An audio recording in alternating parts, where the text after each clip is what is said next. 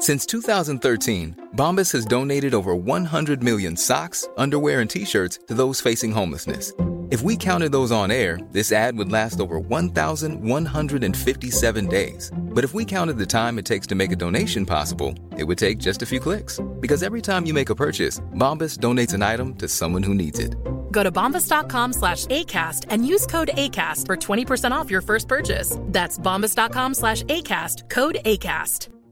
Ryan Reynolds here from Mint Mobile. With the price of just about everything going up during inflation, we thought we'd bring our prices down. So to help us, we brought in a reverse auctioneer, which is apparently a thing.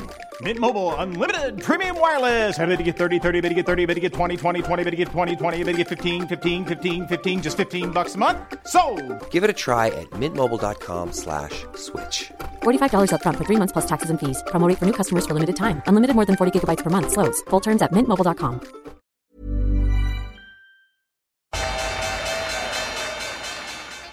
They mistook leverage for genius. Leverage for genius. I would recommend Japan. The governments don't rule the world.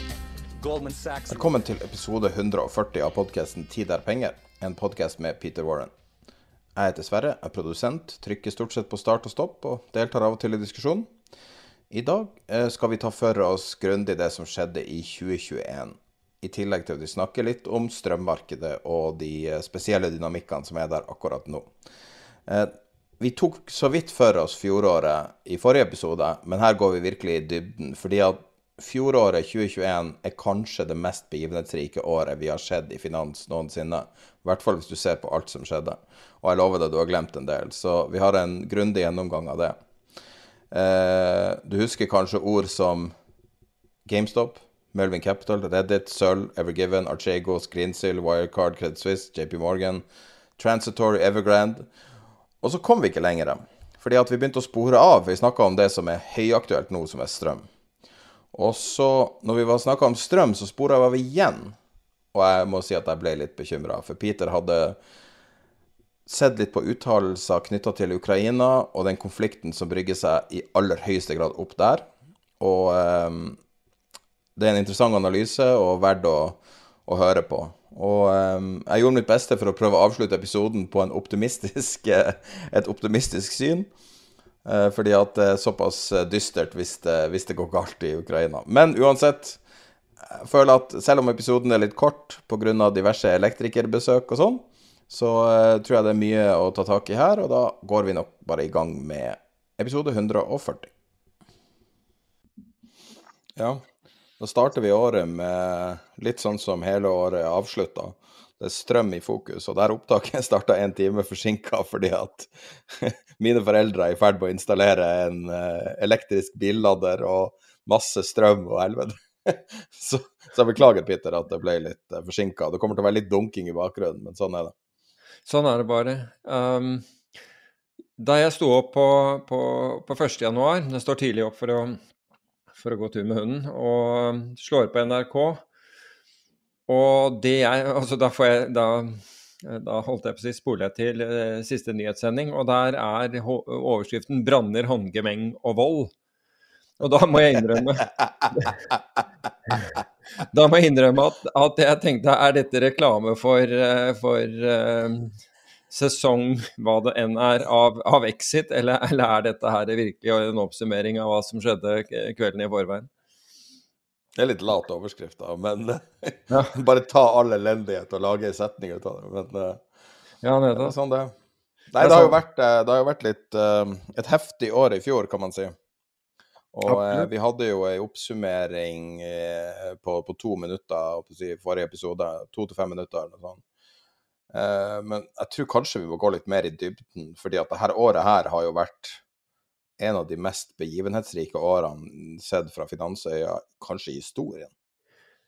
Ja, jeg vet ikke om det er i historien, for jeg husker jo mange andre begivenhetsrike år, men da har det stort sett vært én hendelse som har rocka båten noe voldsomt. Altså F.eks. i fjor eh, med, med, covid og ting som Russlandskrisen, Asiakrisen, LTCM osv. Men i fjor skjedde det mye, altså. Ja, virkelig. Det er lang liste vi har her. ja, nettopp. Og det er to, to, ting som går igjen. Det er green, og så er det ever. Det er sånn cirka halvparten. Ja, vi, ja.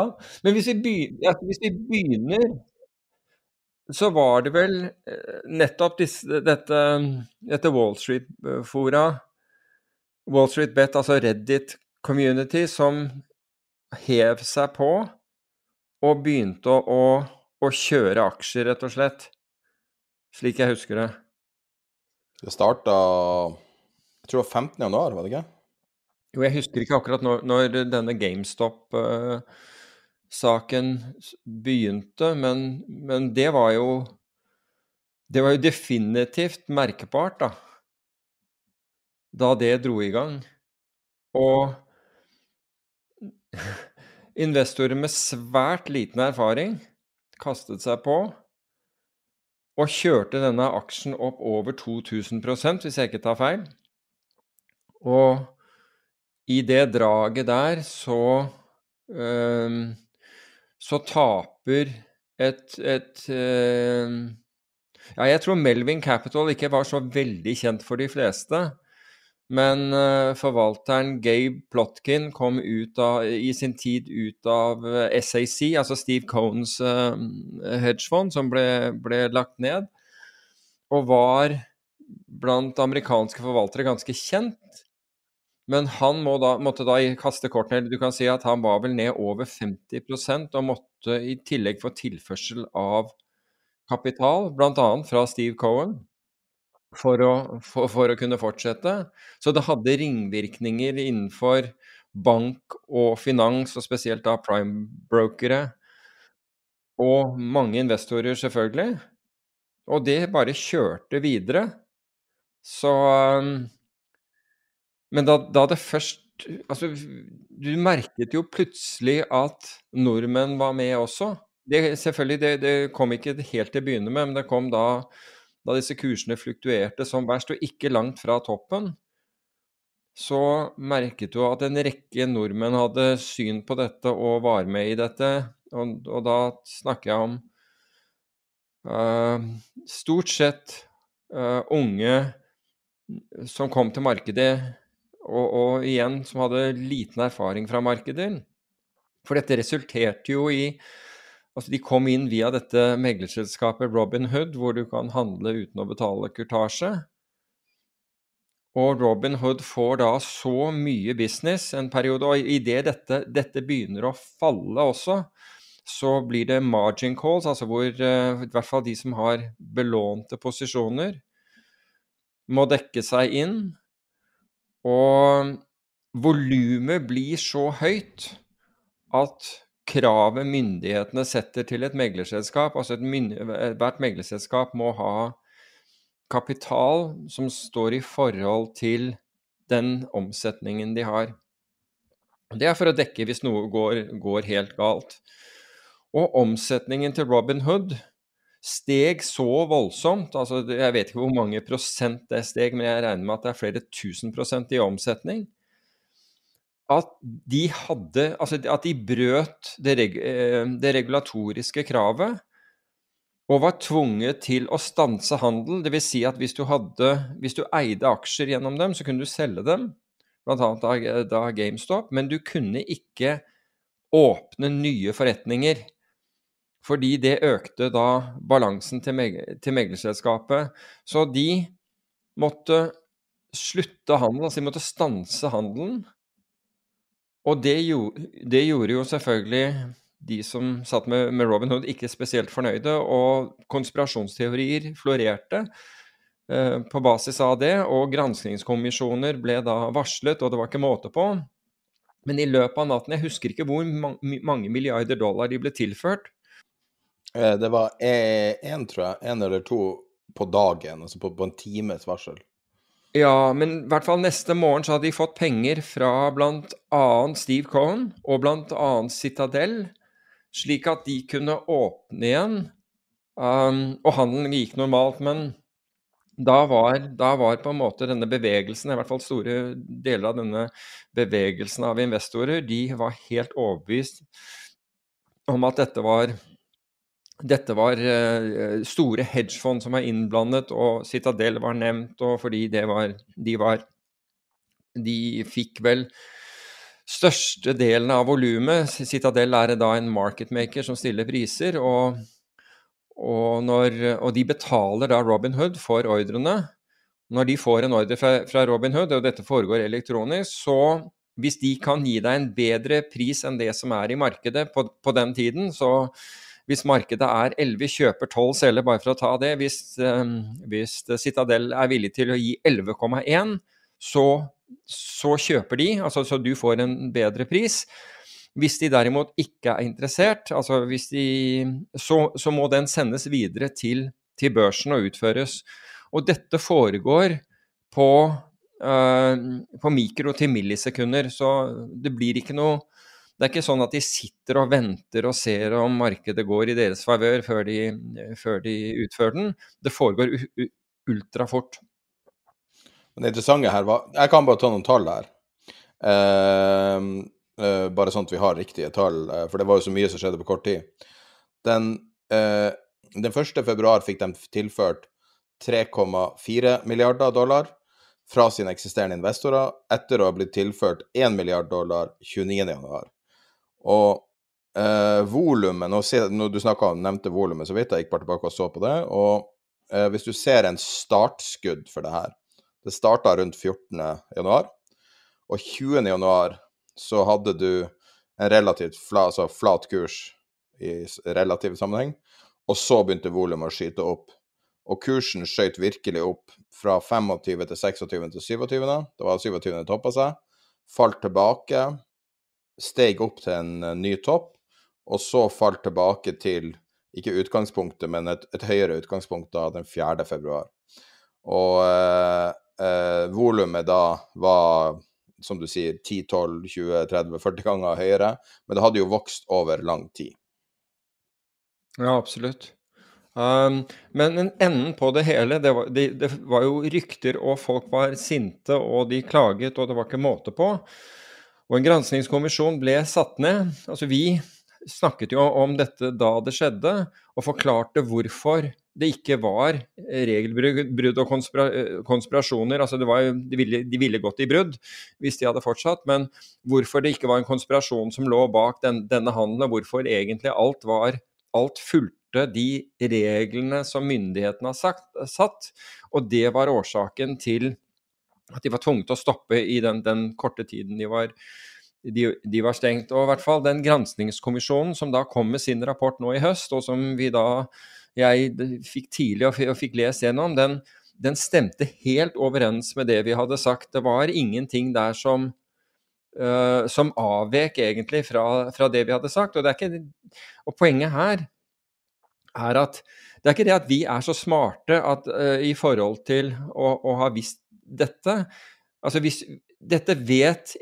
dette vet erfarne investorer. Har du vært i markedene over, over, tid, så vet du hvordan de fungerer. Og problemet var at du fikk en helt ny holdt på å si, generasjon med, uh, med in investorer som ikke hadde noen som helst erfaring, og som da lyttet til folk som da uttalte seg bl.a. på YouTube. Og, altså det ble nesten som uh, uh, da da man stormet Kongressen. Altså alt gikk i rykter og, og, og, tull. Har du noen gang opplevd å bli så irettesatt av så mange folk med så lite kunnskap før? Nei. Nei, ikke, ikke, sånn som dette her. Og, og, poenget var at det var så emosjonelt hos dem også. slik at når du, når du forsøkte å forklare mekanikken i hvorfor noe skjedde, så ble de forbanna på deg ikke sant? For, for å ha forklart det, altså for, for, dette her. fordi det stemte ikke med den virkeligheten man ønsket, da, eller en eller annen hadde sagt. Og det er det jeg sier altså, Det er akkurat det jeg mener med faren med, med, YouTube. Det er mange bra ting med YouTube, men det er at det er ingen som, som, som, som sjekker fakta um, som blir fremsatt der. Og det gjør at mange tar, tar, bare den første som sier noe som passer med deres, opp, deres virkelighetsbilde, eller det som passer det, deres virkelighetsbilde der og da. Så bare gjentar man det, og hvis noen sier noe imot det, så er det liksom full storm. En ting, hvis man, hvis man skal oppsummere litt det vi snakka, det vi opplevde da, så var det jo noe vi kom fram til uh, som var en liten oppsummering av det, var jo å føle noe, ikke å vite noe. Og det var jo enkelte ting som føltes feil, sånn som at uh, Citadel kjøper flyt, føltes jo feil. Mm. Sånn som at du kan shorte mer enn 100% av uh, flyten i en aksje. Det høres ganske feil ut. Ja. Og, så, og så sier du men det her er jo en konspirasjon, og så er du kanskje 19 år gammel eller 16 år gammel for den saks skyld, og så er det her ditt aller første møte med finans, og så hører du ord som du aldri har hørt, for, hørt før, eller har ingen begrep om, som hedgefond, og så begynner det her å bli en sånn utilslørt eh, kamp mellom de gamle, rike boomerne, liksom de babyboomerne, og millennials og generasjonen Z. Og, og det blir liksom Det er bare følelser. Ja. Det er ingen, ingen, skills og ingen erfaring, ingenting. Nei, og da, og da kommer man i et sånn uh, Det blir nesten sånn virkelighetsvakuum en stund. Hvor det der får regjere og holde på å herje. Og det er, det er, det er, det er counterproduktivt, altså kontraproduktivt. Absolutt kontraproduktivt. Og jeg vil jo sterkt anbefale alle som alle som uh, interesserer seg for finans eller har tenkt å handle aksjer eller, eller, noe annet, det er å sette seg inn i hvordan markedet virker på forhånd, slik at du vet, du vet det, og at du ikke blir overrasket. Altså, jeg har gjort feil selv, og vi har vært inne på det der at jeg ikke visste når en kontrakt forfalt, at den forfalt én time før børsen, uh, før børsen stengte. Altså, det er sånne ting som gjør at du kan plutselig pådra deg et stort ansvar og store tap. Så det, det, handler egentlig bare om å kunne det du driver med. Nei, det var ganske noen enerverende dager der, for man ble jo pepra ned, og vi har jo flere forskjellige chat-funksjoner og sånn community som ble storma av nye folk som mm. kom inn og skulle fortelle hvordan verden fungerte. Det var noen enerverende dager, da. Men uh, ja, jeg, jeg, tror jeg prøvde å møte det der med, med, med å skrive én sånn uh, Ett innlegg og, og, ta for meg de forskjellige problemstillingene som, var, som hadde dukket opp, og forklare de hvor, hvor, altså hva som skjedde. Og så, det, så, forsøkte jeg bare å være hands off, for nå har, nå har jeg liksom forklart det. Det, det nytter ikke å Alt det andre blir at du blir en del av det kaoset som, som oppstår, og den usikkerheten. Jeg lurer på når første gang jeg lurer på først, når første gang vi nevnte Wall Street Bets. Det husker jeg, vi snakka jo om det flere år før det her skjedde, og, og uh, om at det her var en voksende og viktigere community. Ja, du, har, du, er jo den som har sett den trenden. Jeg har ikke den har, Jeg så den ikke da i det hele tatt. Når du begynte å snakke om dette her, så, så nærmest avfeide jeg eh, dette, i hvert fall i mitt, e, mitt, eget hode. Men jeg hørte liksom at du gjentatte ganger nevnte det, og så begynte jeg å forstå at det var at det var såpass mange som fulgte at, at, det, at det, hadde konsekvenser, da. Men én konsekvens og, og, som vi, vi, vi, kan ta for oss nå, og, og det, er, det, er, jo at etter at man hadde kjørt disse aksjene, så fant man plutselig ut at nå skulle man kjøre sølvprisen. Og commodities det er en litt annen greie enn, um, enn å kjøre, kjøre aksjer, kan jeg love. Men konsekvensen av det var at det fantes en ETF. Fordi de fleste klarer ikke å, da å, å, å, kjøpe og selge sølv, eller det tar litt lengre tid å sette opp en konto hvor du, hvor du kan gjøre det i, i future-markedet. Så det man gjorde, var å gå på denne ETF-en som kun har sølv, på samme måte som det finnes en ETF, altså et børsnotert fond, som istedenfor aksjer består av sølv, og du har et som består av gull. Så konsekvensen av det var at jeg tror de hadde ca. 100 millioner dollar i, i forvaltningskapital idet dette skjedde, og den åttedoblet seg. Så plutselig Altså, den så, så, så, mye penger får den da inn fra folk som følger med på på Wall Street Bet og, Reddit at denne åttedobler seg. Og hvor går dette da? Jo, det har en liten I løpet av noen dager så har det en viss eh, effekt på, eh, på sølvprisen. Men sølvprisen er den råvaren som gjør det dårligst i 2021. Den ender ned 12% på året. Så for de som gikk inn i dette så er, er, var var resultatet enda dårligere. fordi da hadde de allerede dratt, dratt prisen litt, litt, opp.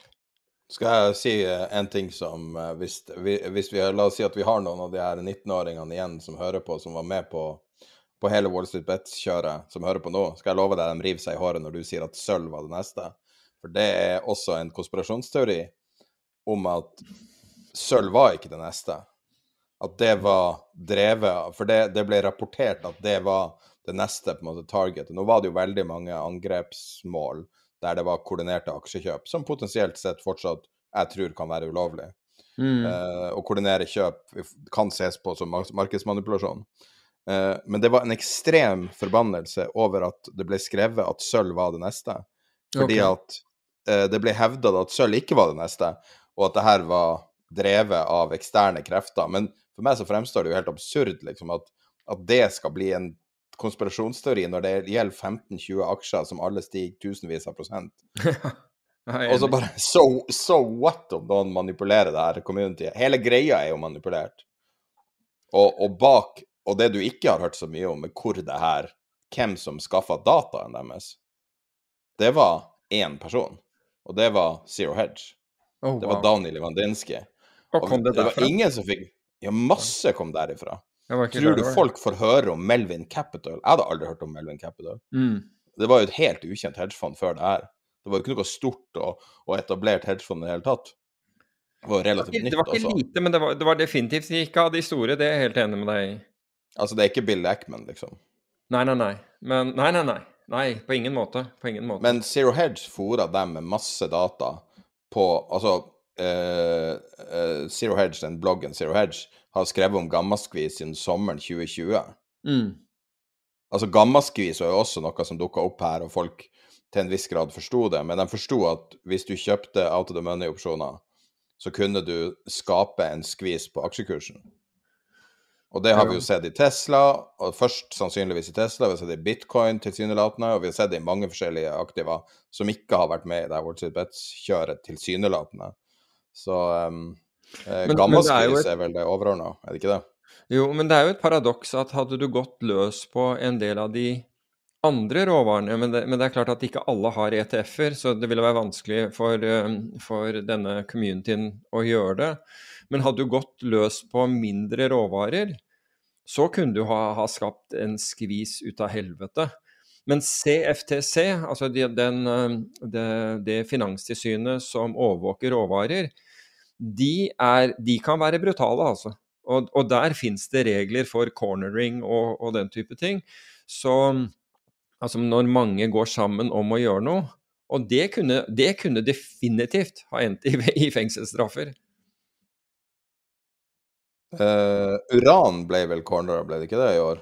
Eller i fjor? Ja, det, jeg vet ikke om det ble corneret, men det er som du sier, eh, det, det ble plutselig voldsomt med uh, med tegninger i, uh, i disse ETF-ene. Det er vel Sprott som har den ene, som har, eh, som har uran. Men, men, jeg tror ikke det Nå husker jeg ikke hva resultatet for, eh, for den var på, på, slutten av året, men jeg tror ikke det gikk så fryktelig bra. Altså. Altså, eller det kan hende at det gikk bra, men det var ikke en av, av toppråvarene. Altså på råvaretoppen i, i prosentuell avkastning lå, lå, faktisk kaffe med 76 Eh, du stilte et utrolig bra spørsmål, om det var i morges eller var i går. Om det var retorisk, vet jeg ikke, men du spurte vel noe sånt som var Hvordan tror du resultatet var for de meme-traderne? Gjennomsnittsresultatet. Det er et godt spørsmål. Ja.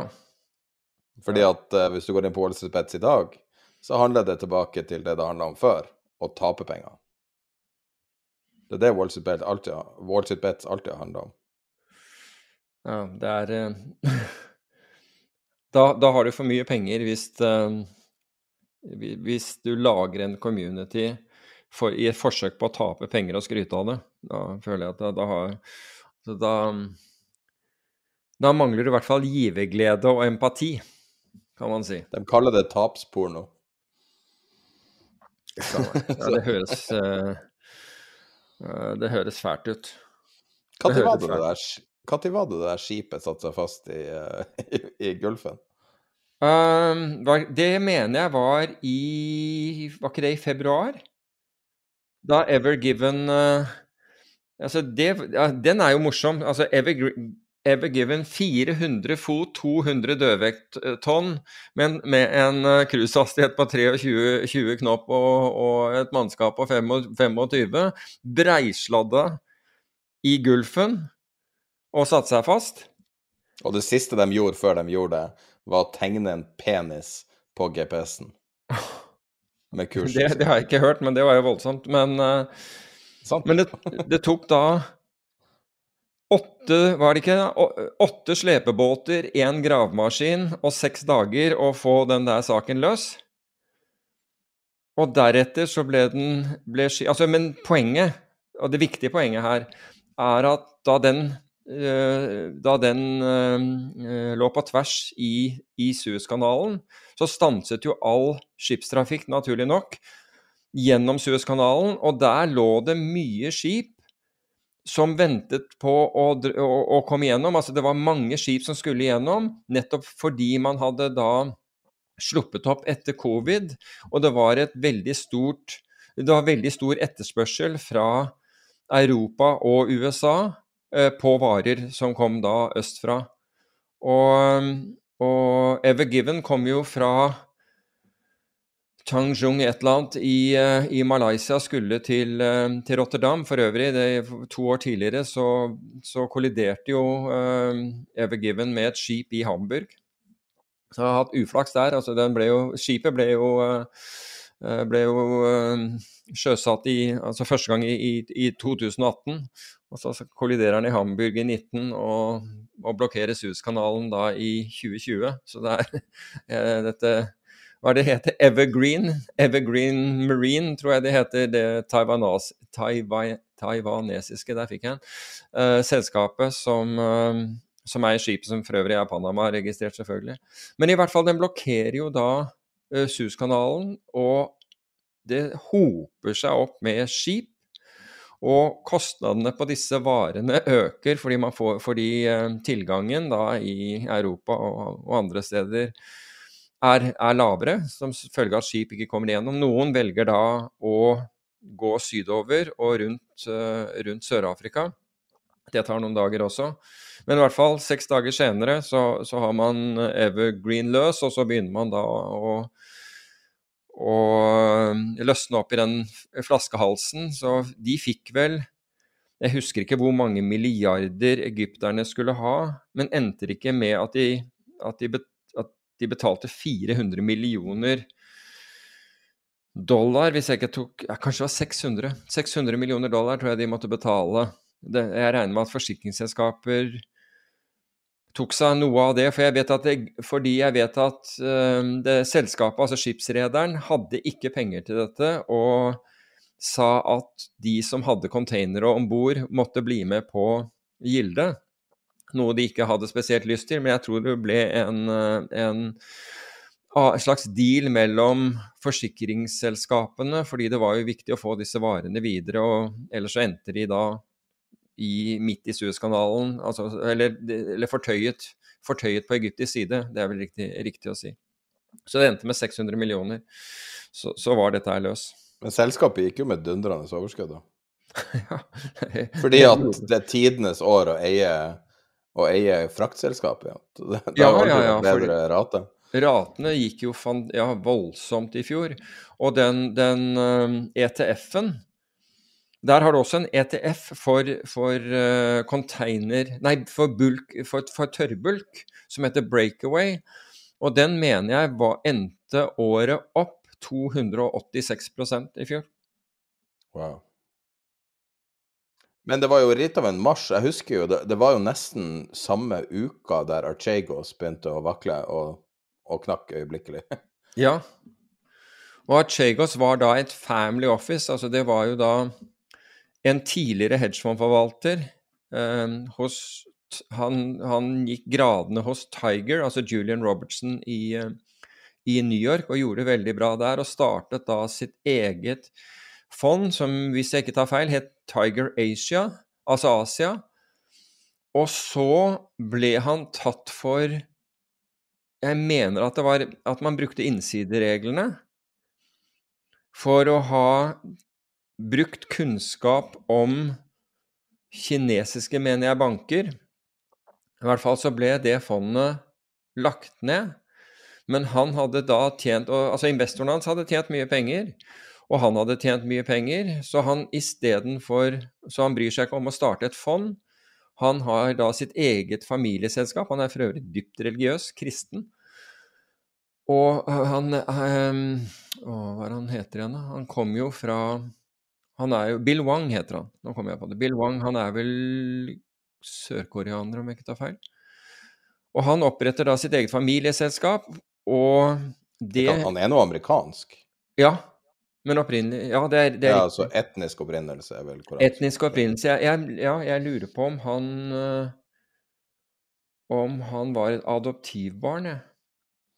Men uh, det er ikke så, så viktig oppi dette. Men det, det, hvorfor jeg snakket om det Han er, han er koraner, ja. Stemmer. Ja, nettopp. Hvorfor jeg sa det, var fordi han var kristen, og det er og, og, og, så han har på en måte skiftet religion. Eller det kan være at han har vært kristen hele tiden, for alt jeg vet. Men i hvert fall han, Hans selskap, altså hans familieselskap, har da kontakter med de forskjellige bankene, akkurat som et hedgefond. Altså, han bruker prime broker, altså primærmeglere, fra en rekke Ehm, fra, fra, en rekke av de store investeringsbankene. og Det er da Credit Suisse og husker jeg ikke hvilken av de japanske er med, men det er en eller annen Nomura, tror jeg var det. Nå. Er det Nomura? Og så er Goldman Goldman og Morgan Stanley og alle disse ja. store. Og primærmegler er en megler som da kan som, Altså en bank som da låner deg også penger på dine posisjoner. Og det som viser seg å skje her, er at de er ikke klar over at han har så mye Altså, de individuelle bankene vet ikke om hvor store posisjonene hans er. Jeg skjønner ikke helt hvordan han har gjort dette, fordi vanligvis så stiller du, du aksjene dine til, i sikkerhet hos disse primærmeglerne. Men han hadde i hvert fall klart å få en voldsom belåning, og alt dette var da i, så vidt jeg husker, i teknologiaksjer det var ikke så mange. Jeg mener at Jeg mener du hadde hele porteføljen hans på et eller annet tidspunkt. Jeg hadde den ikke, jeg fulgte den med den. Det var CBS var jo mye, det var mye medieselskaper. Oh, ja, akkurat. Eh, så den store posisjonen jeg, jeg, satt jo og fulgte det randomly når jeg var på hytta. Så mm. jeg fulgte på innfronten. Og så husker jeg vi snakka på telefonen eller et eller annet. Og så rent visuelt, i tillegg Altså, aksjene var veldig mye ned. Men rent visuelt så så det he helt fjernt ut. Så, drev, så, skrev jeg en blogg om det, at det var merkelig handel. Mm. Og det var nedsalget. Og, og, etter hvert så hadde vi jo til og med eh, Bloomberg-meldinga fra han Goldman-kontakten hans som gjorde salget. Ja. Vi hadde jo hele historien i løpet av den helga. Det var litt artig. Ja, det var veldig artig. Altså det, det som skjer, er jo da at disse aksjene begynner å falle. Primærmeglerne begynner å bli redde fordi det begynner å nærme seg sikkerhetsnivåene. Det, jeg tenker du før eller etter det møtet, for det var jo et møte med alle bankene? Jeg tenker egentlig, altså egentlig før møtet, for, før møtet. Fordi i møtet så bestemmer jo disse bankene seg. Det er da de blir klar over, over hvor stor den eksponeringen er. Og Goldman gjør Altså, hva er det der uttrykket her uh, som du bruker uh, et eller annet om Mallory. Fra uh, Jackie Brown? Ja, you can't trust Mallory, but you can trust Mallory to be Mallory. Ja, you can trust Mallory to be, be Mallory, og det er jo akkurat det som skjer her. You can trust Goldman to be Goldman, fordi de venter ikke et sekund, selv om alle er enige om at dette her, her må vi være forsiktige med, med dette salget, ellers så sender vi kursene nedover. Goldman gjør det umiddelbart. Altså, de forlater det møtet, og bang! De bare hiver ut. Og Goldman er jo da den eneste av disse bankene som ikke, ikke lider tap. Så de bryr seg ikke om det man er blitt enige om i det hele tatt. Og det, det ligner jo ekstremt på, på LTCM i 1998 og, og, en rekke ganger senere. De bare hiver ut og går vekk uten tap, mens Credit Suisse og da Nomura Credit Suisse er den som taper mest. De taper 5,5 milliarder dollar på Archegos. Altså, det er jo helt Det er jo svimlende summer. Altså, det er helt svimlende. Det er 20 milliarder dollar blir borte på to dager. Ja. Goldman og Morgan Stanley solgte nesten uten tap. Morgan Stanley tapte litt. De tapte litt. De, de og da var det litt. Baidu, Tencent, Vipshop, og så var det CBS, eller Viacom CBS, og så var det IQII, GSX, noe som heter Farfetch. Men det var basically masse medieselskaper. Mm. I- eh, Artig nok, da, har ikke både Tencent og Baidu falt veldig etterpå. Det er jo de kinesiske selskapene som da har vanskeligere for å operere. Så kanskje det her var, viste seg å være smarte ting å selge uansett. Jeg vet ikke. Ja, antageligvis. Um, men så vidt jeg forstår Altså, han, han Han holder jo en lav profil. Han har alltid holdt en lav profil, eh, for så vidt, Bill Wang. Men, eh, men jeg, jeg forstår at han, han i hvert fall ikke gikk personlig konkurs. Altså Fra den perioden så er f.eks. Tencent ned eh, 25% fra det salget. Wow. Ja. Så det, det viste seg jo å være bra selv om du tapte penger. Nå har jo eh, Credit Suisse-klassen tapt penger på alt de har gjort i fjor. Ja, de hadde et dårlig år. Um, for vi kan gå videre med dem, og det er jo Greensill. Dette Altså Jeg vil jo kalle Greensill et factoring-selskap. Ja, fordi de er et factoring-selskap. Ja, nettopp. Ja, altså jeg, Men altså de, de, de, Hva er det de kaller seg selv, da? Men i hvert fall dette, dette selskapet som, som Lex Greensill står bak, og som har David Cameron er Er han styreformann? Han er i hvert fall i styret. Og så har du Sanjev Gupta, som er en, en engelsk eh, metall... Eller han, han, er vel inder, men han bor i England. Metallmagnat. Altså det, er, det er jo sånne helt merkelige altså det, det, var jo svindelen fra helvete. Ja, og alt det var vel Financial Times, tror jeg, som var, var, absolutt først på banen der. For jeg, jeg mener at de i et telefonintervju eller videointervju spør han rett ut om han er en svindler. Hvorpå selvfølgelig Lex Greensill sier nei, og at alt er i orden. Men det viser seg å være en kjempesvindel, og investorer taper stort. Kreditt Suisse hadde finansiert mye av dette, og Kreditt Suisse hadde garantert for Greensill overfor investorer som, hvor de hadde laget egne fond kun for å investere i i, i Greensill-produkter, altså med andre ord få den kontantstrømmen som kommer fra, fra denne factoring-virksomheten. Og Credit Suisse hadde da garantert for denne. Og så i ettertid så står ikke Credit Suisse øh, øh, Eller de, de, vil ikke stå ved garantiene som de har gitt øh, til investorene. Og så er det full da krig mellom investorene. Så har Grant Thornton, altså dette, dette revisjonsselskapet, meldt seg på banen, og de er blitt, jeg tror de er blitt bostyrere. Og foreløpig så er, så er regningen fra Grant Thornton uh, kommet opp i 21 millioner pund. Det er liksom Er det mulig? De har da timelønn der på 545 pund. Og de har brukt liksom 20 000 timer eller noe sånt nå. I hvert fall hadde de brukt det på et eller annet tidspunkt, og de må ha brukt mer for å komme opp i 21 millioner. Men det er jo det, er, altså, Og jeg tror at Credit Suisse har tilført, og noen andre har vært tvunget til å tilføre Grand Thornton penger for at de skal gjøre denne granskningen ordentlig. Um, og så har, så har Softbank var jo en av de store investorene i Greensill, altså dette dette hva, hva, kaller vi Softbank? Kaller vi dem venture? Fond, men det er, jo et, det er jo et selskap. Det er jo på en måte ikke et fond, det er jo et japansk selskap som ja, tjente de, ustyrtelig mye penger på en tidlig investering i um, Alibaba. Ja. Og siden det har de uh, pumpa opp alle bobler som de finner. Investeringsselskap, da, kan vi kalle dem. Investeringsselskap er det jo.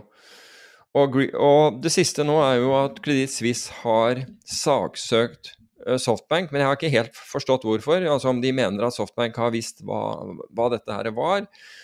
Men myndighetene i Storbritannia går da etter både Greensill og selskapet til Sanjay Gupta, fordi de mener at han var klar over at det var svindel, og, og utnyttet det. Så det, det er liksom Ja, Kreditt Suisse hadde et dårlig år, det kan vi si. Jeg tror også Ja, de, de, ikke bare det, men de, da, de la ned primærmeglervirksomheten sin uh, som følge av at sjefen måtte gå. Og, de, og, de, og, og, flere andre, og så la de ned den primærmeglervirksomheten som disse investeringsbankene har tjent voldsomt på men som krever at, at du har god, uh, god forståelse av, av, risiko. og det Vanligvis har de hatt det. Og siden Bill Wang altså Det som var problemet med Bill Wang, nå kom jeg på det, det var jo at han brukte swapper, total return-swapper. Ja. CFD, ja. ja, altså, ja, du kan kalle det en CFD, bortsett fra at du, at du handler ikke uh, altså det er, det er jo da en, en uh, skreddersydd avtale. Altså Du har jo Tor Olav Trøim har jo brukt uh, total return-swapper veldig ofte. Det er, det er da uh, skreddersydde, var det ute etter. Skreddersydde swap-avtale hvor at du, låner, du, låner rett og slett penger for å kjøpe noe. Um, og det var, det, var på den måten Bill Wang hadde klart, ved å gjøre swapper istedenfor å kjøpe aksjene direkte, for da går de, da går de på, på konto, så hadde han gjort swapper med disse investeringsbankene, som da kjøpte aksjene for han, og ga og da, Swappen består av at Bill Wang, eller den som er motpart i denne swappen, får avkastningen til det, det som blir kjøpt. Altså han, det er som å uh, låne penger for å kjøpe aksjer. Du får avkastningen, men du har også risikoen på det. Og så betaler du da en rente. Uh, på dette, i og med at det er, det er, et, er et, forsinket oppgjør, øh. Så bankene har tjent voldsomt med penger på dette her, men det som har skjedd hos Kreditt Suisse, er at de har fullstendig mistet kontrollen over den risikoen de satt på. Så de har lagt dette her ned. Eh, det er jo, vi har jo mange ting notert ned som har skjedd i fjor. Mm. Tida går jo litt fra oss også. Vi har dessverre litt mindre tid enn vanlig i dag. Uh, men, men det neste er morsomt, det der med JP Morgan og bøter. okay, ja. Fordi, vi, vi, må bare være litt tightere, det der, ja, dessverre. Altså, JP, Morgan, uh, ehm, JP Morgan tar da og, og, sparker en av sine tradere fordi han driver og spoofer markedet helt akkurat uh, sånn som Navinde Sarao, han som da ble, ble, dømt for å ha spufet markedet da, da vi hadde flashcrashet i mai 2010. Han gjør nøyaktig det samme. Blir sparket, går, så går han til retten og mener at det der ikke er riktig, og blir da å få medhold i retten. JP Morgan må ansette han igjen. Han får en bedre stilling og en minimum, altså en lønn da, altså basislønn på 600 millioner, eh, unnskyld, 600 000 pund. Altså godt, litt over 6 millioner kroner. Pluss at, han får, at han får en eller annen form for erstatning. Og det er jo grovt i forhold til denne stakkars indiske autistiske gutten som da, som da bodde, bodde, bodde, hos foreldrene sine, som da ble dømt for å gjøre akkurat det samme i, i USA. Altså det, eh, for å ha manipulert markedet på samme måten. Så det er litt morsomt. Så det var én av for øvrig en haug av, bøter. Vi er jo vant til at JP Morgan får bøter, og de, de skuffet ikke i fjor heller. Nei, Goldman og JP Morgan har jo tendens til å være på topp der. Og det går, har jo gått litt inflasjon i bøter, men det har også gått inflasjon i bruket av ordet 'transitory'. Ja. Men nå er det vel lite for å bruke det lenger? Nei, det har, har gått. vi, vi, kan, vi jo... kan, vel si at det, det uh, ordet er, uh, er ut. Mm. I øyeblikket. Så, um, eh, og uh, hyperinflasjon inn Nei, nå er vi ikke helt på hyperinflasjonnivå, men hadde vi beregna inflasjonen som vi gjorde på 70-tallet, så tror jeg vi hadde vært i nærheten av hyperinflasjon. Altså. Ja, da hadde vi nok vært i nærheten av å si det var høyt, ja. Hmm. Hva du tror om uh, veien framover? Nå har det jo Nå har det jo slått til over hele jorda, og du har en skremmende høy inflasjon, og så en lytter i dag som sendte inn et veldig veldig enkelt tilfelle av inflasjon, som var en lokal sushisjappe som sendte ut mail på starten av året. Som sier at alle prisene deres går opp mellom 5 og 10% i år fordi at deres varekost har gått opp. Det begynner å forplante seg. Du, jeg så at Oslo kommune hadde hevet um, Da jeg parkerte i, i, går på en sånn um, Hva heter det for en sånn rekreasjonsareal? Nærheten av fri, frilufts... Et eller annet. Skjønner du? Nærheten av skog. Så er det jo egne, egne satser. Og der var den gått opp med 67% Parkeringsavgiften. I timen. 67 oppgang. Og det er gått opp, altså Bomavgifter over de siste årene har gått opp 350% eller noe sånt, og så har du 67% altså Det er i en periode hvor inflasjon stiger og forbrukerne Hva var det for noe? To tredjedeler av forbrukerne, dette, det, det tror jeg var E24 som skrev, de hadde gjort en undersøkelse. To tredjedeler av dem var sterkt bekymret for, for, for, eh, for strømprisen. Altså den effekten det hadde på økonomien. To tredjedeler. Det var, det var mindre enn en tredjedel som var bekymret for renten, så vidt jeg husker. Altså det at du, du skulle få renteøkningen og den, den biten. Og jeg, jeg, kan godt forstå det, fordi det er jo vesentlig høyere på, på, på, på strøm. Men uh, Det ligger an når det gjelder rente, da, så kan de jo bare høre hva Norges Bank sier nå. Uh, det ligger an til to rentehevinger i år. Ja. Og det er hvis ting går sånn som det går nå. Mm. Hvis inflasjonen akselererer, så kommer det nok flere enn de to. Ja, antageligvis. ikke sant? Så du blir rammet på alle måter. Og dette skal da gi seg utslag i et lønnsoppgjør. Den kommer til å bli bratt, tenker jeg. Eh, hvis du ser på Jeg så en um, eh, sånn diskusjonstråd som dukka opp et sted eh, for, for anonyme folk. Eh, ikke på vår, noe av vårt medium. Da var det en som delte helt konkret hans strømregning. Og da han var familiefar, to unger, bodde i et eldre hus. Det er jo ofte det som er killeren hvis du bor i et eldre mm. hus. Igjen. Og hans strømregning var i desember i fjor på 600 kroner, og nå var den på 5800. Ja, det er, det er helt voldsomt. Men hvis vi, altså hvis vi tar strøm mens vi, vi, vi snakker om det, da så har vi jo hatt en situasjon nå i noen dager hvor strømprisen i Europa har vært vesentlig lavere. Altså vi har hatt den høyeste prisen. Selv om prisene har vært lavere enn da de var på topp, så har Norge hatt den høyeste prisen. Og så lurer man på hvorfor det skjer. Jo, det, det skjer rett og slett det er, det er to årsaker til det. Det ene er at de norske produsentene har har eksportert strøm. altså De har solgt all den strøm de kunne, mens, mens, prisen Altså ikke all de kunne, men så mye de kunne. Mens prisen var kjempehøy. Og de vet også at det blir kaldere, så prisen sannsynligvis går opp igjen. Det som har gjort at det har falt voldsomt opp på kort tid, det er at gassprisene i Europa fra den 21. desember falt med 67% det virkelig trynet. Altså, hvis du skal handle noe som er, har voldsomme utslag, så er det bare å handle naturgass. For øvrig opp 7 i dag. Men slik at du har, du, Så for europeerne har det blitt mye billigere å, å, å produsere strøm. Men så, men så, lurer man på hvor, hvorfor er det ikke da, siden det er kabler, og disse kablene skal virke begge Altså, de er ikke enveis. Hvorfor er det så dyrt her? Jo, det er fordi nå holder disse produsentene, norske produsentene igjen av, av, to årsaker.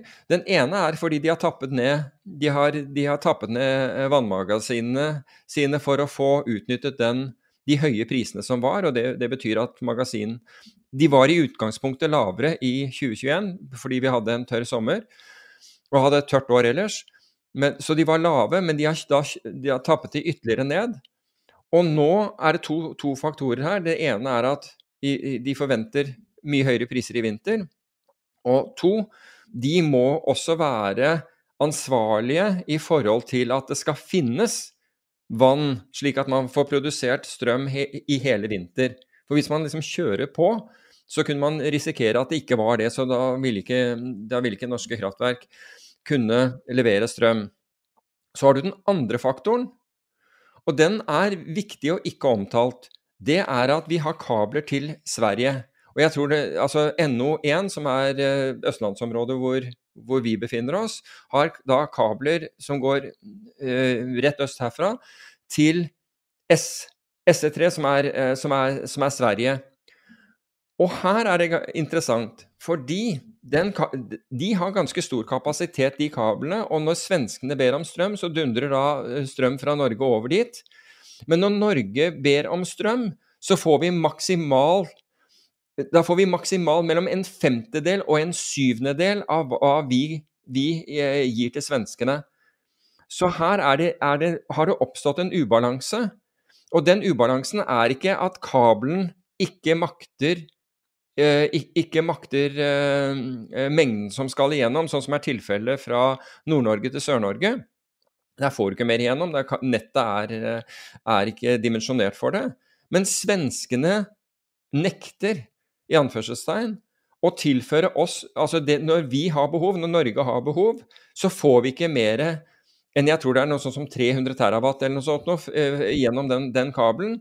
Mens vi sender uh, var det Rett før jul var det vel 1450 uh, eh, terawatt til, til, til, svenskene, og det er mer kapasitet også. Så dette dreier seg om dette må bli en forhandling mellom, altså det, mellom, mellom, nasjoner, men Statnett på den norske siden burde vel antageligvis være den som tar tak i det, og sikkert tar tak i det. Uh, så, uh, I bransjen så er jo det her en av de heteste temaene som er. Ja. Blant produsentene, den ubalansen. Dette er jo en ny oppfinnelse i år. Mm. Og det her er jo noe som har fått litt omtale, den skeive eksporten. men ikke i nærheten av så mye som det kanskje burde. Um, jeg mener jo fortsatt at, at dette bildet er langt mer sammensatt enn eksportkablene. Men uh, de her ubalansene her skaper jo uh, Altså tuller jo med den marginalprisen. For det er jo marginalkjøperen som setter prisen. Den siste kjøperen, den siste lille promillen på toppen av de all, all vanlige kjøp, er den som setter prisen. Og når du da får at svenskene da klarer å utnytte en sånn ubalanse, og det er Altså, alle land ligger jo i krig med hverandre om de her eksportkablene. Det er jo like stort eh, diskusjonstema i Sverige som det er i Norge. Mm. Og, og det her er jo et enormt problem, og det at man tillater det, er jo helt vanvittig. Altså, Norge ja. tillater det. Ja, altså, jeg er helt enig. Og, men jeg, altså, jeg får håpe at at Statnett er i, er i kommunikasjon med, med, med svenskene. Altså, ellers så må det foregå på regjeringsnivå. For det, er, altså det sørger bl.a. for i øyeblikket at strømmen er vesentlig dyrere i Norge. Får jeg lov å lufte en konspirasjonsteori? Kom igjen.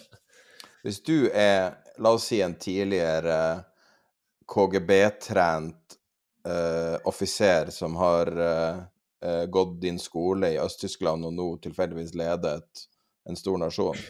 Hvis du har de forutsetningene der, og du har lyst til å så ubalanse inn i Europa, der du vet at det er masse krysseksport, er det noe du har lyst til å eh, Med å, å, kutte eksport inn i Europa, at det er noe du kan vinne på hvis du prøver å svekke alliansen mot deg? Ja. Kan det være det som er hele greia dreier seg om? Jeg, jeg, vet ikke. Det var, det var Alle krangler med hverandre. Ja, det, det, ja, altså det vil jo være optimalt, egentlig, at man, at man gjorde det. Um, tenk, tenk, den for Altså, Sverige krangler med Norge, Norge krangler med Sverige, Norge krangler med England, Norge krangler med Tyskland. Alle driver og går mot isolasjon. Mm. Jeg vet ikke, det men altså, la, la, oss være på det temaet, for det er kanskje en av de viktigste temaene i, i øyeblikket. Og det er den Dette handler jo litt om, om situasjonen i i Ukraina. Nå sier jo eh, Gazprom at de er villige til å De kan godt selge, selge gass til, Europa, men så sier Putin at de vil selge gass hvis Nord Stream 2 kommer opp. Altså Vi vet kabelen er der, men den er på en måte stoppet i, i tysk uh, lovgivning og, og byråkrati. Så de prøver da å presse igjennom på den siden. Samtidig med at dette skjer, så opplever jeg at det, det tilspisses voldsomt og har gjort det nå kraftig over, over nyttår. Du mener de siste dagene? De siste dagene. Okay. Og, det er, og, det kommer fra amerikansk side, men man må da anta at siden Biden eh, også omtaler eh, sine allierte, altså de allierte, så, så, må man jo regne med at det, det, er Nato han snakker om, og sier da at hvis, hvis det blir en eller annen form for eh, militær aksjon invasjon fra russisk side, så vil man uh, reagere på det sterkeste mot det uh, fra USA og, og amerikanske allierte. Altså, jeg skvatt egentlig når jeg så den uttalelsen fra, fra, Biden, og det mer jeg leste uh, om det han sa, det, det mer følte jeg at wow, er, er, vi virkelig der? Er vi virkelig der at dersom Russland Husk på, dette er, dette er en konflikt. altså Nå snakker jeg om Ukraina, som har pågått siden 2014. Det er oppimot 14 000 mennesker som har dødd blitt drept i denne konflikten, og halvannen million mennesker har måttet flytte. Og nå, er der, nå har det tilspisset seg sånn at, at, det virker som Biden har, har trukket en linje her. Hvor, hvor, er det planen kommer om Sverige og Finland skal plutselig joine Nato? Hvor er det den ideen kommer fra? Ja, hva, hva som ville skje ja, jeg, Nei, hvor, er det, hvor, er det, den, den talking pointen kommer fra, tror du? Er det fra amerikansk side?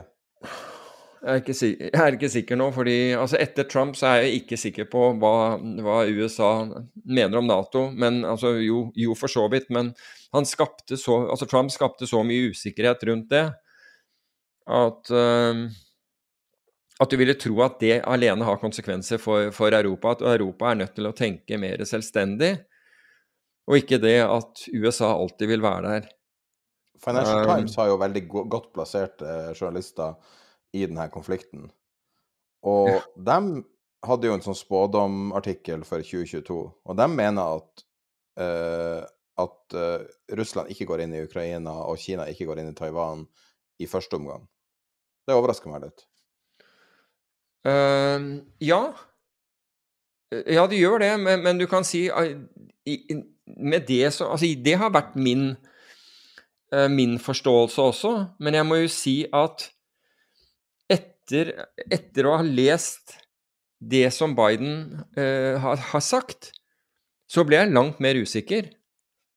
Fordi altså den ja, rett ut trusselen som han gir der, den tror jeg for det første må, er forankret i at de virkelig tror at det er fare for det. Og, og nummer to, se for deg at dette, dette skjer, og, og hvilke konsekvenser Altså, la, hvis, hvis Putin altså, uh, calls this one så, og, NATO, og USA og Nato reagerer Det Altså, du kan ikke kalle det en black swan, for den kommer ikke ut av intet, men, men jeg tror ikke at, verken, altså, at finansmarkedene er klare for den, for å, si det, for å si det forsiktig. Men hvis du tenker Biden Biden har jo hatt en svak rolle. Svakt uh, Altså svakt image.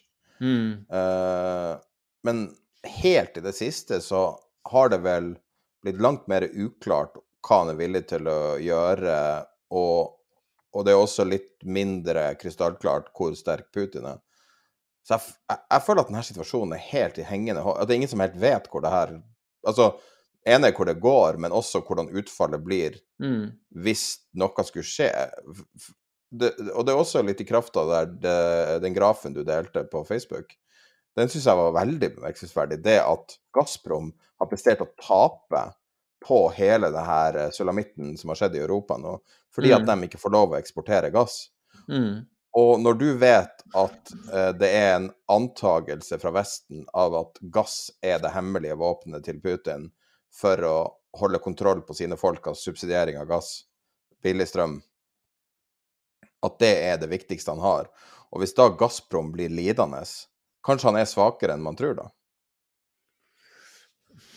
Ja, det vil jo vise seg Det vil jo vise seg nå. Altså, jeg har gått hele tiden rundt med, med den troen at dette her ville, ville, løse seg på en eller annen måte, at det på en måte ville, ville bli, bli, dempet. Og så, og så, har man en forståelse, spesielt fordi eh, Putin og, og Biden skulle snakke sammen. Men det virker som konklusjonen av det, hvis man skal hvis, Altså i hvert fall av de sitatene fra Biden etterpå, er at det der kunne ikke Det var ikke noe sånn der i forståelse. Det var, var at Biden gjorde tindrende klart at, at USA og, og, de allierte, og USAs allierte, ville reagere kraftig. Og, og er, altså, hva ligger i det? Altså, du, du, kan si at man har allerede gjort tiltak som Altså økonomiske straffetiltak mot, mot Russland. Man kunne avskjære dem fra å bruke, uh, bruke Swift, altså dette, dette, pengeoverføringssystemet. Er det på bordet? Nei, jeg sier ikke at det er på bordet. Jeg bare prøver å tenke andre, andre former for reaksjoner. Ja, For det hadde vært en helt crazy historie. Ja, ja absolutt hadde det vært det. Men annet, altså, jeg prøver å tenke hva annet kan du gjøre Altså Hvis du skal utelukke militært, da. Jeg tror, kan, jeg tror dessverre ikke du kan utelukke militært lenger. Jeg trodde det inntil jeg så hva Biden sa. Men jeg tror ikke du kan utelukke det. Og, men hva, hvilke andre tiltak har du? Det ville være noe, noe sånt som det. Men det, jeg er jo redd for at hvis du brukte det maktmiddelet og, og utelukke Russland fra muligheten til å overføre eh, penger internasjonalt, fordi alle bruker dette systemet, så ville jeg tro at den langsiktige konsekvensen av det ville være at, at, Russland og Kina ville lage sitt eget. Jeg kan ta feil der, men uh, Hva du syns om teorien om at eh, Russland og Kina sitter bare og venter på eh, mellomvalget i USA og, og skal utnytte den situasjonen til sin fordel? Kan være mulig. Jeg tror ikke, jeg tror ikke man skal utelukke noen når når, når det gjelder Putin. Han er, en, han er en harding, han, altså. Men, men, det er litt påfallende der. Alle de her store lederne, Xi Jinping, eh, Putin og, og, Biden, alle tre er ganske svekka nå. Xi Jinping har jo ikke en sånn utprega sterk rolle nå. Det har vært masse storyer mm. om indre konflikter. Eh, og Putin virker jo ikke å være så vanvittig sterk som han har vært tidligere. Men det er jo Nei, men, si. men, men, men, hva kan det gjøre? Kan det altså rett og slett uh, Kan det rett og slett stimulere til at man, man, vil vise seg sterk. Men er ikke det sånn at rike menn ikke vil ha kriger, for de taper penger på det? Mange, mange er opptatt av makt òg, for å si det forsiktig. Jeg, jeg, vet ikke. Jeg vet ikke. Det eneste var at jeg satte meg ordentlig opp da jeg, da jeg leste uh, Bidens uttalelser og tenkte wow. Det her... Ja, USA har jo ikke en krig nå, de trenger jo en krig. Hvem skal uh, De må jo ha noe helikopter som krasjer, så de kan selge nye helikoptre. Ja. Jeg vet ikke, altså Jeg, jeg tør ikke engang tenke tanken hvis det der begynner der Altså et, eh, en, en militær aksjon mot, mot, russiske styrker. Ja, Men kan ikke de stille seg midt i Ukraina, liksom?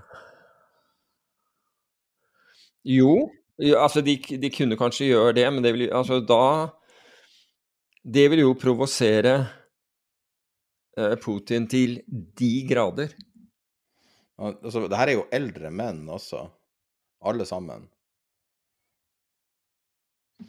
Ja, altså Du går fra sjakkspill da til boksing, og det var, det var som en sa øh, Jeg husker ikke navnet hans, men han sa at øh, boksing er fattigmanns, fattigmannens sjakk.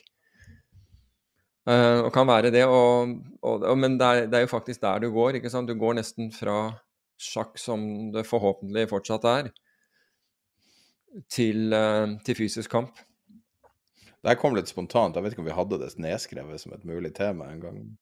Jeg visste ikke at du så sånn her på det i det hele tatt. Nei, vi hadde ikke det. Det, det var fordi jeg føler at liksom vi, vi står der vi, vi, står og kunne ikke, kunne ikke unngå det. Men hvis vi, vi går på, på, tilbake til finans bare et lite øyeblikk, da. Eh, dette kjempesvære uh, kinesiske eiendomsselskapet Evergrande ble da suspendert i, på børsen i dag morges. Og det gjorde jo at eiendomsindeksen i, i Hongkong falt, falt, med 3% som følge av dette her. Men, men, jeg tror at konsekvensene her, altså hvorfor markedene tar det såpass med ro, er vel fordi kineserne, kinesiske myndigheter, um, har langt på vei sagt at de, de, vil treffe tiltak for at ikke dette går ut av kontroll. Altså med andre ord hele, hele eiendomssektoren med den konsekvens det ville ha i, i, Kina. Hvorfor akkurat man velger å suspendere aksjen, vet jeg ikke. fordi den, de gikk jo i default på disse obligasjonene. Jeg tror det var i november i fjor. Fitch kalte det i default, så på en måte en teknisk konkurs. Så, så på en måte man er allerede i en veldig svak økonomisk situasjon. Det må være noe som, som gjorde at man, man, man valgte å, å, suspendere, men markedet ser ut til å ta det med ro, bare så, så det er sagt. Ja. Nå er det bare som et lite apropos, det er jo en aksje som er handla i Hongkong. Ja. Og når man snakker om geopolitiske ting, så har jo Hongkong, altså Kina, tatt et veldig voldsomt grep de siste dagene, de siste ukene i Hongkong. Mm. Eh, Absolutt. Så basically Hongkong er no more. Ja. Det er Kina. Uff. Er ikke det brutalt ut. Stengt aviser, fjerna minnesmerker. Det er jo starten på slutten, så det, så det synger etter. Ja. Ikke... Jeg visste ikke at du så sånn her på Russland. Jeg ble litt sånn rysta av det. helt ærlig. Ja, altså, du kan si at jeg ble rystet, eh, rystet av, um, av, Bidens ord, jeg, faktisk. Går det an å se på historikken hans og se hva han har tenkt tidligere? Han stemte vel for Irak-krigen, men altså, det er jo litt forskjell på Saddam Hussein og Vladimir Putin. Altså. Altså, men problemet er at når, Ja, jeg er helt enig i det, men når, når, du legger det kortet ut, altså når du sier, altså når du viser det kortet og sier at dette kommer til å skje, da kommer vi til å reagere. Da har du på en måte ikke noe Altså, hva er valget ditt? Hvis da det motparten Hva var det nøyaktig han sa? Hvor er det du jeg vil gjerne um, se nøyaktig. Han sier US will respond decisively ja. if Russia further, further invades. Riktig. Og du, og så så jeg ei uh, melding som kom fra det russiske nyhetsbyrået, um, om det var Sputnik eller om det var det andre. Uh, og de uh, jo, sa jo for ei uke siden at, at troppen drev trakk seg tilbake. Det var jo også litt spesielt. Mm. Så jeg vet ikke, er, er den her invasjonen som har vært så til de grader forhåndsannonsert, er den sikker, eller er det her rett og slett high end uh, realpolitikk, på en måte? Eller kan ja, det, altså det siste er det jo i hvert fall. Det siste er det jo i hvert fall. Men, men altså, det var 'respond decisively', og han, han, han hadde noen, noen, flere uttrykker også som jeg syns bakket opp, opp, at det der eh, kunne bety militærmakt, da. Men han er jo Altså, da skal USA og de allierte respondere decisively står 100 000 russiske tropper på grensa nå. Mm. Ja. Og de har jo hele tida sagt var det, var det februar som har vært hele tida estimatet. Altså, i USA internt så står jo Biden veldig svakt nå, så hvis han kan gjøre noe og virke sterk, så må jo det også være sånn spillteorimessig smart å gjøre. Mm. Hvis man skal prøve å gjette. Men nå er vi jo langt ute å sykle, dette er jo ikke vårt felt, det er ditt felt uh, til en viss grad. Men ja, men, men altså, jeg tenker jo at nå, nå står vi i, på, på, inngangen til et nytt år, og foreløpig så har vi valgt på en måte å feire det fordi altså markedene, markedene ser ok ut, og folk har Og de aller fleste har, de har kraftig optimistiske forventninger. Jeg så liksom Nordea som uh, sa at det blir tosifret avkastning i aksjer i år osv. Det var rett etter å ha at disse to analytikerne deres øh, øh, valgte å slutte? Er det det de bruker som uttrykk? Altså, de, de slutta av altså, Jeg tror at de slutta av, eh, av egen fri vilje, men du var litt mer skeptisk, eller? Banker er, kan være fantastiske, fantastiske, steder å jobbe, og du kan også få mye frihet. Men blir de stilt i forlegenhet, så har de ganske drakoniske eh, reaksjonsformer, vil jeg si. Fordi de tenker på banker er, er liksom store i samfunnet osv. Er det ikke litt påtagelig at uh, det her vanvittige splittelsen i samfunnet faktisk kom så langt at det nådde inn i de her økonomiske, konservative analysene, som normalt er helt strippa for politikk? Mm. Jo. Jeg har aldri sett det før. Men det jeg har sett, er at Nordea sine analyser har blitt mye kjedeligere etter de her to karene eh, ble suspendert og til slutt slutta. Så mm. Eh, den var jo, den var jo, det var jo ofte at vi nevnte de, eh, de ukentlige makroanalysene deres, nettopp fordi at de her to karene var uvanlig dyktige å skrive og uvanlig flinke å, å trekke ut poenger. Mm. Men jeg tror ikke vi har gjort det siden de forlot. Nei. Nå har vi noen minutter igjen, da, så vi må liksom bare prioritere. Jeg har trukket den ene tingen til neste uke. ja, jeg er helt enig, men jeg har lyst til å, å, gå inn på den der eh, Hvis det er ok dette med Altså de, de, de, si, de som forlot oss, altså forlot oss permanent i, i, fjor. altså nå I julen så døde Jimmy Kane, som var da sjef for, eh, for B. Stearns når det gikk over ende. Og interessant med han, altså Han begynte som skraphandler og endte som sjef for for da B. Stearns.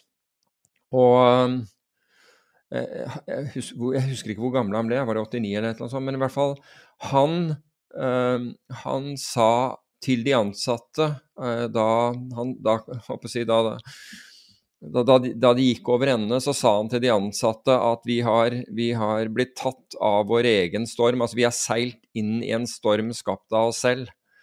Så han tok ansvar, da for, eh, for, den utviklingen der, må jeg si. Så, så igjen, han, han, døde i løpet av julen, og så var det trist å høre. Selv om dette her eh, var nå, jeg tror det var i desember, men det kan ha vært tidligere, om at Dagfinn Sundal, som var da en av gründerne sammen med Jan Petter Collier i Sundal Collier, som de opp, opprinnelig het, og som, de, som heter ABG i dag, um, han har gått bort. Og um, Lene Tangvall Jensen i Finansavisen, eller er hun i Kapital? Ja, hun er i Hegnar.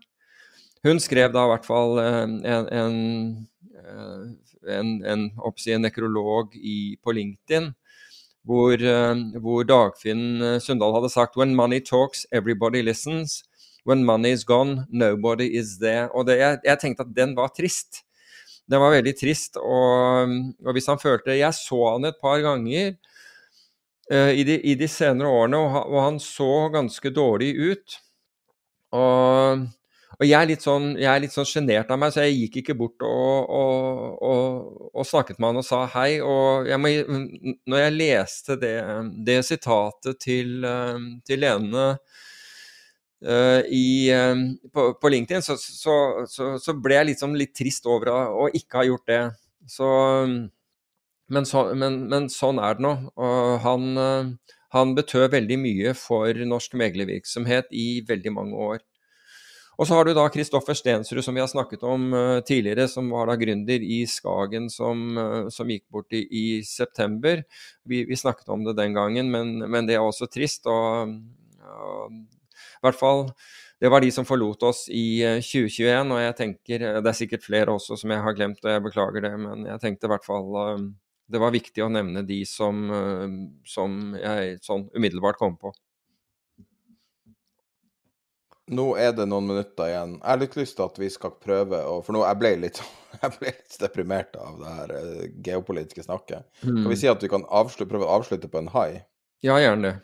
Gjerne. Så jeg har limt inn to grafer i regnearket som jeg legger med i nyhetsbrevet også, og som er grafer hvem som helst kan finne på alle mulige koronahjemmesider. Fordi at, å, å synes om noe om korona er jo Det kan jo hvem som helst gjøre, men det er jo ikke så mange av oss som har reell kompetanse på det. Men det podkasten her har litt kompetanse på, er grafer. Og eh, statistikk og, og lese, eh, lese grafer. Så det ene interessante som har skjedd, er jo at antall tilfeller av korona har skutt til himmels. Altså dobbelt av tidligere topp og samtidig har antall dødsfall bare falt globalt. Mm. Så det er den ene tingen som gir meg håp. Og den andre tingen er no noe som ble delt på chatten til Tid penger, som var et nettsted som heter healthdata.org, som er ganske merittert, og som gjør da estimater framover i tid med grafer. Og eh, den estimatet, og det legger jeg også med i nyhetsbrevet, sier at 22.12 toppa denne bølgen seg i Norge. Og vi er allerede på rutsjebane nedover. Og at når vi kommer til eh, april, så er vi tilbake på nesten null. Og det er ganske deilig. Og jeg tror at hvis korona virkelig er over, så tror jeg det er mulig at dette kan bli et lettelsesrally som vi ingen egentlig har tenkt så mye på. For det har vært så mye andre ting å tenke på. Mulig. Altså, jeg hørte Camilla Stoltenberg si at de venter at det vil absolutt eksplodere med smitte nå. Altså, De tingene du har sagt, er for, er for så vidt riktig. For, og nå finnes det jo statistisk signifikante tall på dette at omikron er mindre farlig enn en f.eks. delta-varianten. Vesentlig mindre farlig. Men den er vesentlig mer smittsom, vesentlig mindre, fa mindre farlig. Det har vi tall på og, og, og, statistikk på, så det er bra. Det som er tilfellet, i hvert fall ifølge Camilla Stoltenberg, det er at hun, de forventer at det vil eksplodere med smitte nå. Og at vi sannsynligvis alle vil få covid på et eller annet, eller, på et eller annet tidspunkt. Men da forhåpentligvis, altså det er flere av oss som er, som er vaksinert, det mindre farlig vil det være. Så vi må forvente oss, akkurat som en influensasesong, at man blir øh, syk på, på, et eller annet tidspunkt, og vil være syk på et eller annet tidspunkt, men forhåpentlig så vil det, som du nevner, ikke være så gærent. Og, og, og dødeligheten er, er, veldig lav. Og, øh, og det, er, det, er, bra, fordi det dør jo folk i influ, influensasesonger også. Men, øh, men, vi vil sannsynligvis alle få det, så vi, jeg tror vi skal være forberedt på det. Men at det er en, det er en helt klar det er helt klart lys i enden av den tunnelen nå, det er helt opplagt. Ja, altså jeg vil bare presisere, jeg har ingen Jeg kommer ikke å synse om korona, det tror jeg nok folk gjør nok i samfunnet. Alt jeg sier er jeg kun ser på grafene mm. som om det var en finansiell graf. Og ja. projeksjoner fra troverdige kilder sier det kommer ikke til å eksplodere fremover, eh, som da går mot det FHI sier. Nå vil det selvfølgelig være en litt forsinkelse på rapportering pga. jul, og at ting opphoper seg og alt sånn. Men uansett så føles det i hvert fall som uh, at det er lov å være optimist. Det kan man vel si. Ja, og hvis jeg kan dra på med, med noe i den, i den, retning, da, var at i Altså nå, nå, snakker vi ikke om forward eh, PE, men altså price earning, altså uh, kurs-fortjenesteforholdet. Uh, på amerikanske aksjer det vi gikk inn i 2021 var på 30,7. Da hadde du 30,7 PE. Men idet vi begynner på 2022, takket være at inntjeningen i amerikanske bedrifter, altså nå tar jeg SMP 500, steg 65% i fjor. Inntjeningen steg 65 det er det høyeste ever, bare så det er sagt. Så går vi inn med en PE på, på 23,6. Så det tar 23,6 år å tjene inn de, de, den, den, den, kursen som, eller den verdien som du gir på selskapet hvis du kjøper i dag, men i fjor var det 30,7. Så det er i hvert fall sånn sett bedre, kan man si. Så um, med det, så, så pluss at markedet har gått, så kan vi jo si at uh, we are fired up and ready to go. Da starter vi det nye året. Nå åpner Wall Street om ett minutt, og uh, vi er tilbake om ei uke. Hi, I'm Daniel, founder of Pretty Litter. Cats and cat owners deserve better than any old fashioned litter. That's why I teamed up with scientists and veterinarians to create Pretty Litter. Its innovative crystal formula has superior odor control and weighs up to 80% less than clay litter. Pretty Litter even monitors health by changing colors to help detect early signs of potential illness. It's the world's smartest kitty litter. Go to prettylitter.com and use code ACAST for 20% off your first order and a free cat toy. Terms and conditions apply. See site for details. Hey, it's Paige DeSorbo from Giggly Squad. High quality fashion without the price tag? Say hello to Quince. I'm snagging high end essentials like cozy cashmere sweaters, sleek leather jackets, fine jewelry, and so much more. With Quince being 50 to 80% less than similar brands. And they partner with factories that prioritize safe, ethical, and responsible manufacturing. I love that. Luxury quality within reach. Go to quince.com slash style to get free shipping and 365 day returns on your next order. Quince.com slash style.